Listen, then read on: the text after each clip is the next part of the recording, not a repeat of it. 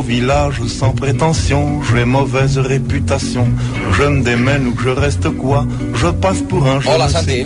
Què tal? Molt bon dia. Hola, Malcolm. Què tal? Bon dia. Uh, avui dia de clàssic, a les 11 farem tertúlia amb el Rico, amb el Llimós i amb el Costa. No, no sé si veieu la samarreta que tenim aquí Sí. regalant pels oients. Samarreta oficial del Barça i patam pam, Ah, això és una 14 i el Cruyff a l'esquena. Això és una pasta, eh? Home, si ho és. A què penses? Aquí tenim possibles. Uh, serà per un dels oients si van al Twitter, fan uh, follow i ens escriuen un missatge a uh, Clàssic Via Lliure sobre què representen uh, històries del, del clàssic del Barça-Madrid en, la, en la seva vida. Uh, en fi, avui volíem parlar d'un altre execrable.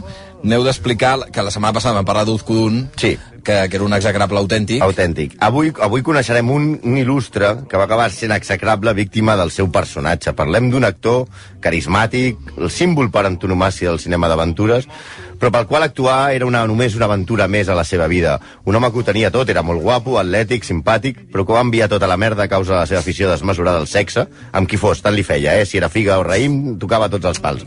I a les drogues. Parlem de l'home que va ser el Capitán Blood, de Gentleman Jim, de Robin Hood o el General Custer. Parlem del gran Errol Flynn.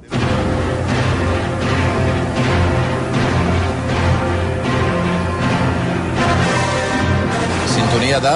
Eh, murieron con las botas puestas. Murieron Van morir amb les botes posades. Exacte. Sí, que no, no era pel·lícula espanyola, que era pel·lícula Exacte, exacte. de Raoul Walsh de l'any 39. Sí, el, el gran director de, de cinema, Irving Rapper, el va definir com un home que tenia el món a les seves mans i el va enviar al diable. I és que la seva vida, a més de cinema, està marcada per les orgies, el consum de narcòtics, l'abús a menors, les acusacions de violació i una col·lecció de mans que va de l'actriu Joan Bennett a l'escriptor Truman Capote. Sí o no? Sí. Errol Flynn. Errol Flynn, sí. Que era guapo el tio, eh? Sí, de ben petit ja es veia per on anirien els trets. Va néixer a Tasmània. A Tasmània. Sí, al costat d'Austràlia. Mm -hmm. A Austràlia no va quedar ni un col·legi que no l'expulsés per mal comportament. Només el tornaven a acceptar pel prestigi acadèmic del seu pare. Ell era fill del gran biòleg madrí Theodore Thomas Flynn, un home que havia estat deixeble de Darwin, ni més ni menys. Si el gran científic anglès arriba a conèixer la descendència del seu deixeble, segur que es replanteja la teoria de l'evolució. Veient que estudiar no era el seu fort i que només li agradava el mar, que sempre va ser l'amor de la seva vida, des de molt jovenet es va posar a treballar per no ser un nini. Mm -hmm. Ara arrasaria com a tronista a hombres, mujeres i viceversa. Jo me m'agradaria Errol Flynn a hombres, mujeres i viceversa. Sí, perquè la veritat és que era un tros de tio.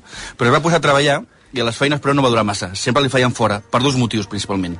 O bé ficava la mà a la caixa per apostar a l'hipòdrom, o bé es ficava al llit a la, doma, en la dona de l'amo. Vinga. Sí.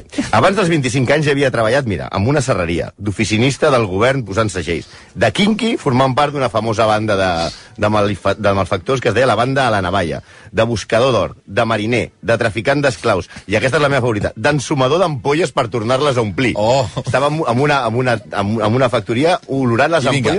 Si això era llet, tornem a posar-li llet. Si això és ginebra, una altra vegada ginebra. Ja, és una feina clar, meravellosa. podies- Però jo no sabia que existia. No, jo tampoc. va- Llegir la seva vida... Però per què no... Sí, clar, clar. Ensumador d'ampolles em sembla una de les feines més grandioses que es poden tenir. Sí, el, sí, això sí que és reciclatge. Fins i tot, abans dels 25 anys, no s'ho perdin, havia estat jutjat ja per assassinat. Abans dels 25. Sí. Ah, bueno, si és després és igual de greu, també. No, no, i- no, no, i tant, i tant. El jurat va convenir que realment havia matat a un home, però ho va fer en defensa pròpia. Són els riscos de traficar amb esclaus. Hi havia molta competència entre els traficants de les plantacions de copra de Nova Guinea. Sí, en una d'aquestes feines fent de mariner va transportar un equip de cinema per Austràlia que feia reportatges d'aquests de naturalesa, perquè la 2 ja ajudava la gent a fer migdiades als anys 30.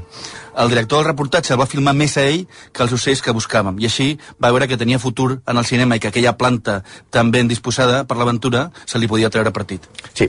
Des del començament va entendre que es podia viure de ser tan guapo i tan cara dura. Va marxar a Londres per buscar feina al, al cinema i es va allotjar a l'hotel Berkeley. Mm. Això és una anècdota famosa de la seva vida. Quan va arribar l'hora de pagar el compte, Ai. va fingir que tenia un atac d'apendicitis. El van portar a, la a una clínica privada i quan va tocar pagar la factura, la factura li va pagar la infermera, amb, evidentment us podeu imaginar a canvi de què, Ah. amb la que se'n va anar a viure. I de la que va fugir, cames ajudeu-me, quan va sentir dos paraules. Matrimoni i tinc una falta. Va creuar l'Atlàntic decidit a ser una estrella de Hollywood. Si no pagava res. No pagava res. Vinga. Austràlia havia fet un paper per una pel·li sobre el motí del Bounty, en el que el motí de veritat va, havia participat un, avant, un avantpassat de la seva mare i tres o quatre cosetes a Anglaterra. Als Estats Units va posar un anunci a una revista de cinema que deia Errol Flynn ha treballat a Berea Colden, un èxit, al motí del Bounty, una bomba, a Applefly Cinema, imprescindible, a Gorgeous Groom, excepcional. De totes aquelles pel·lícules només existia una. No! Les altres eren inventades. No! Sí, sí, Es va inventar els noms. Es va inventar els noms de les Oh. pel·lícules.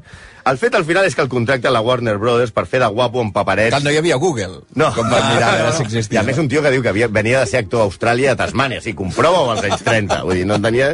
Que s'inventa les pel·lícules i que era un actor de molt èxit a Austràlia.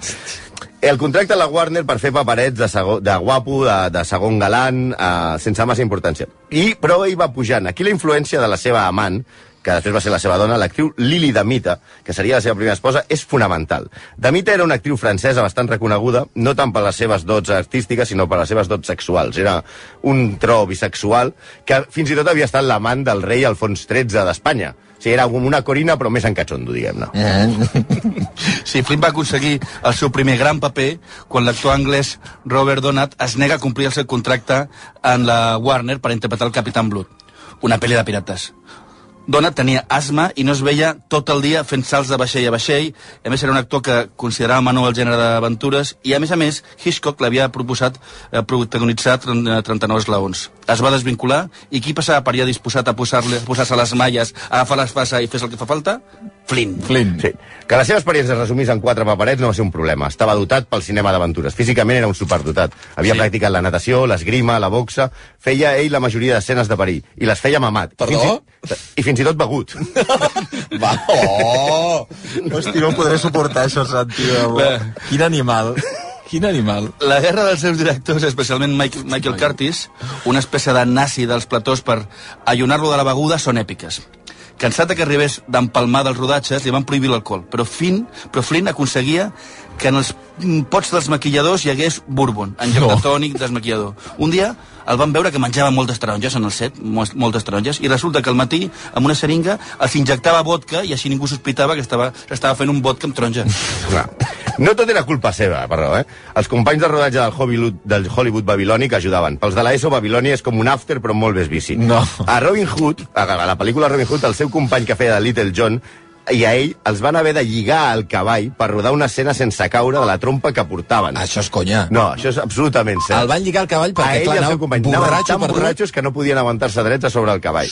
I a la càrrega de la brigada lleugera es va trobar amb una ànima bessona que no va, no va, no va ajudar massa. Un tal David Niven. Sí. Quan va conèixer Niven, el seu matrimoni en Damita ja era un escàndol d'infidelitats i baralles. Diu la llegenda que cap parella ha trencat més vaixelles que ells dos. Eren brutals les seves baralles i un dia Flynn va deixar cau a la seva dona amb una ampolla de xampany. Què dius? La revista Time tenia una secció setmanal que es titulava Errol Flynn, notícies de la setmana.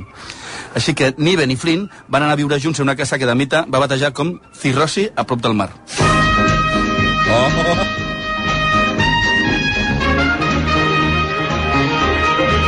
Perquè anava al mar, Errol Flynn. Sí, Flynn tenia un iot, ja hem dit Ah, que tenia- la, sí. la seva, el, es deia el Sirocco. Sí. Eh, la seva gran passió era el mar. El, el iot, a més, per passejar pel mar i navegar, era on muntava les seves orgies. Recollia Ah. noies, nois, el que trobava per restaurants, bars, pel carrer, i els portava al vaixell. El Sirocco. Sí, però això li va portar seriosos problemes. L'11 d'octubre de 1942, la policia irrompa a casa seva i el deté acusat de violació estatutòria. La resposta de Flynn, tot xulo, és que no sap de quin animal li estan parlant. Més enllà de la conya, la cosa era molt seriosa. La violació estatutòria significa que a Califòrnia es considera violació el contacte sexual amb menors d'edat, tot i que aquesta relació sigui consentida.